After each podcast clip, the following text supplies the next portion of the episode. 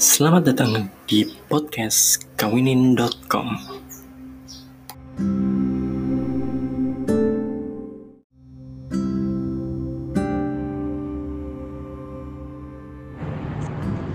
Oke, Assalamualaikum warahmatullahi wabarakatuh.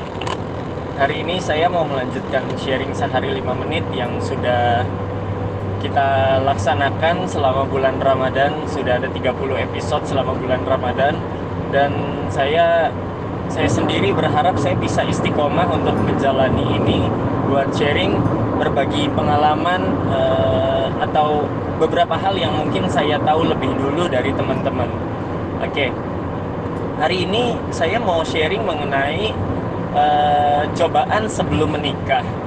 Jadi ada banyak banget teman-teman saya, eh, orang-orang uh, yang saya kenal yang sharing mengenai perjalanannya menuju halal itu banyak banget rintangannya.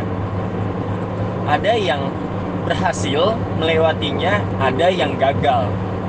Jadi ada yang sampai ke pelaminan akhirnya, ada juga yang nggak sampai ke pelaminan akhirnya. Nah, eh, sedikit penjelasan bahwa kalau kita paham bahwa segala sesuatu ketetapan Allah adalah yang terbaik buat kita, maka kita tahu mau itu berhasil sampai ke pelaminan dengan si dia atau gagal ke pelaminan dengan si dia itu adalah yang terbaik dari Allah Subhanahu wa taala. Ya. Jadi tugas kita hanya ikhtiar. Sekuat apa pun ikhtiar kita kalau Allah nggak merestui itu, Allah nggak meridoi itu, Allah punya pilihan lain untuk kalian, maka itu nggak akan terjadi. Tapi kalau kita uh, maksudnya tidak melakukan ikhtiar yang begitu keras gitu. Kita santai-santai aja tapi kalau Allah sudah tetapkan maka jadilah gitu. Kan Allah tinggal bilang kun maka jadilah.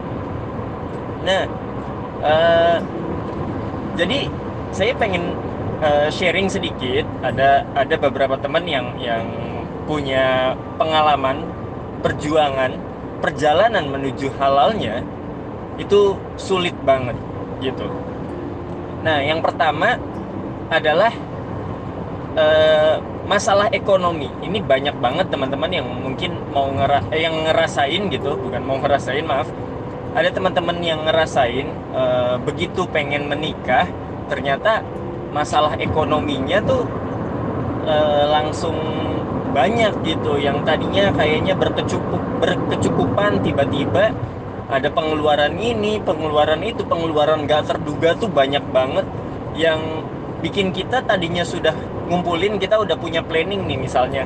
Oke enam bulan lagi nikah saya sekarang udah punya tabungan segini dan tinggal ngumpulin lagi sekian juta misalnya. Oke itu bisa ngumpulin dari penghasilan saya bulanan. Misalnya uh, saya bisa ngumpulin nih dua setengah juta per bulan. Tapi kenyataannya begitu sudah berjalan uh, ternyata ada saja pengeluaran-pengeluaran yang nggak terduga yang kita nggak tahu. Ternyata wah banyak juga pengeluaran buat ini buat itu gitu yang yang kita nggak tahu. Jadi karena kita nggak tahu gitu karena kita nggak eh, nggak tahu ini kenapa tiba-tiba banyak pengeluaran gitu kita biasanya jadi jadi stres. Padahal misalnya udah sebagian di booking nih udah di DP nih ini nggak mungkin nggak mungkin kita batalin nggak mungkin kita mundurin misalnya pernikahannya ini harus tetap berjalan tapi keuangan kita nggak cukup gitu. Ya. Itu banyak banget teman-teman yang uh, menghadapi hal-hal seperti itu. Nah yang yang terpenting adalah kita harus paham bahwa nggak nggak cuma kita loh yang menghadapi cobaan sejenis gitu. Banyak orang lain di luar sana orang yang menikah itu udah miliaran orang sejak zaman Nabi Adam tuh nikah gitu. Cuma kan mungkin nggak pakai resepsi gitu.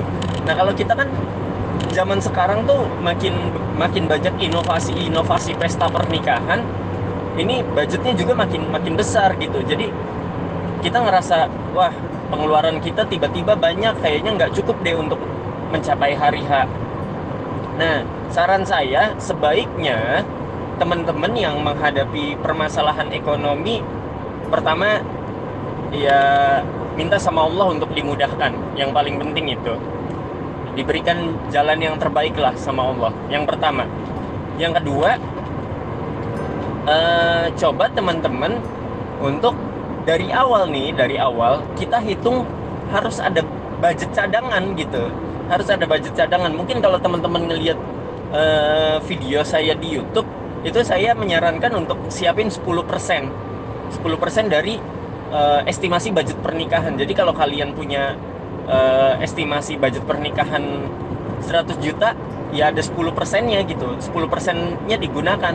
10 juta untuk kalian saving uh, 90 jutanya buat kalian pakai gitu misalnya. Itu dari awal. Jadi kalau ada hal-hal seperti itu kalian sudah bisa antisipasi yang kedua kan kita bisa nyari penghasilan tambahan lewat yang lain.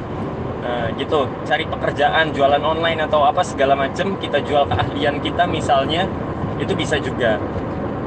Nah buat teman-teman saran aja uh, kalau dalam kondisi seperti ini menghadapi masalah seperti ini masalah ekonomi jangan panik.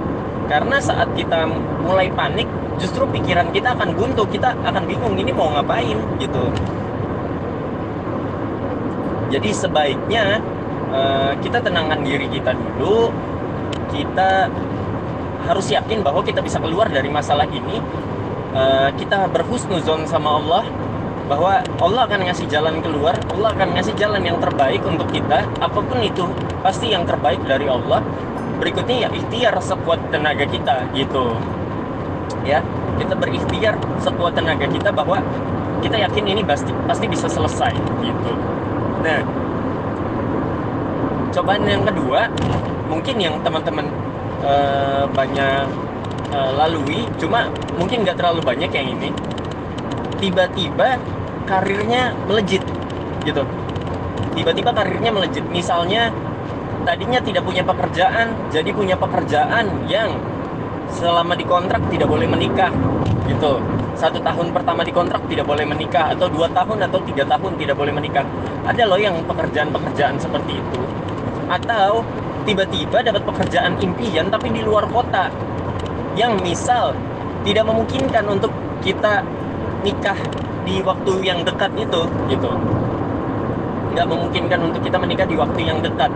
Itu banyak juga cobaan-cobaan seperti itu atau ya intinya e, mempersulit atau e, jadi jadi cobaan atau jadi masalah lah untuk untuk kita e, menikah gitu. Nah saran saya kalau yang ini kita harus banyak berdoa minta sama Allah Subhanahu wa taala uh, kita istikharah minta jalan yang terbaik sama Allah gitu. Kita istikharah sama Allah uh, kita tanya pilihannya adalah apakah jodoh ini lebih baik untuk saya? Apa pekerjaan ini yang lebih baik untuk saya? Gitu.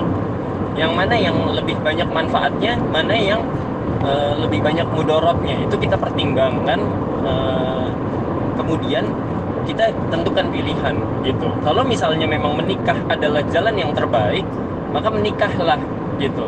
Ya kita harus merelakan apa yang mungkin uh, apa? Mungkin bisa jadi rezeki kita. Tapi kalau kita menikah mungkin itu bukan rezeki kita.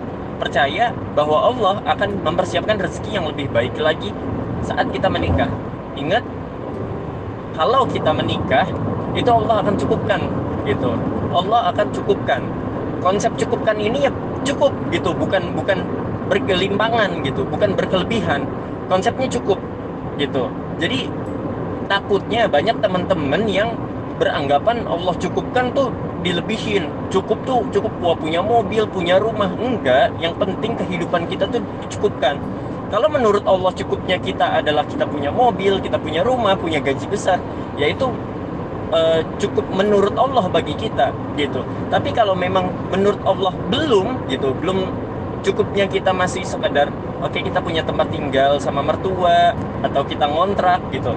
Uh, kita punya pekerjaan yang cukup, kita punya motor yang jadul yang nggak masalah itu kecukupan dari Allah gitu kepada kita. Nah, lain lagi saat kita ikhtiar itu kan ada juga kalau kita ikhtiar Allah berikan lebih.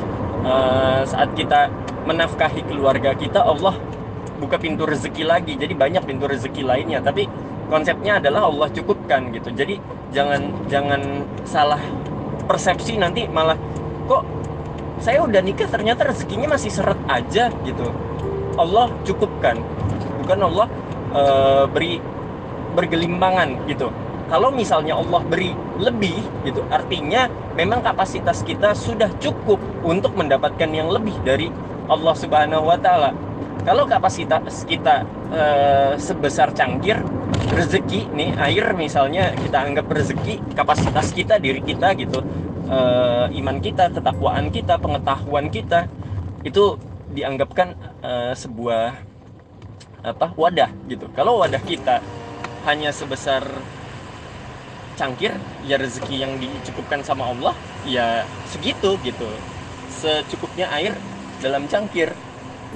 Tapi kalau misalnya Allah uh, menganggap kapasitas kita sudah lebih Allah cukupkan uh, lebih gitu. Kapasitas kita sudah sebesar ember maka rezeki yang Allah limpahkan ya akan bisa mencukup ember itu secukupnya ember itu gitu loh.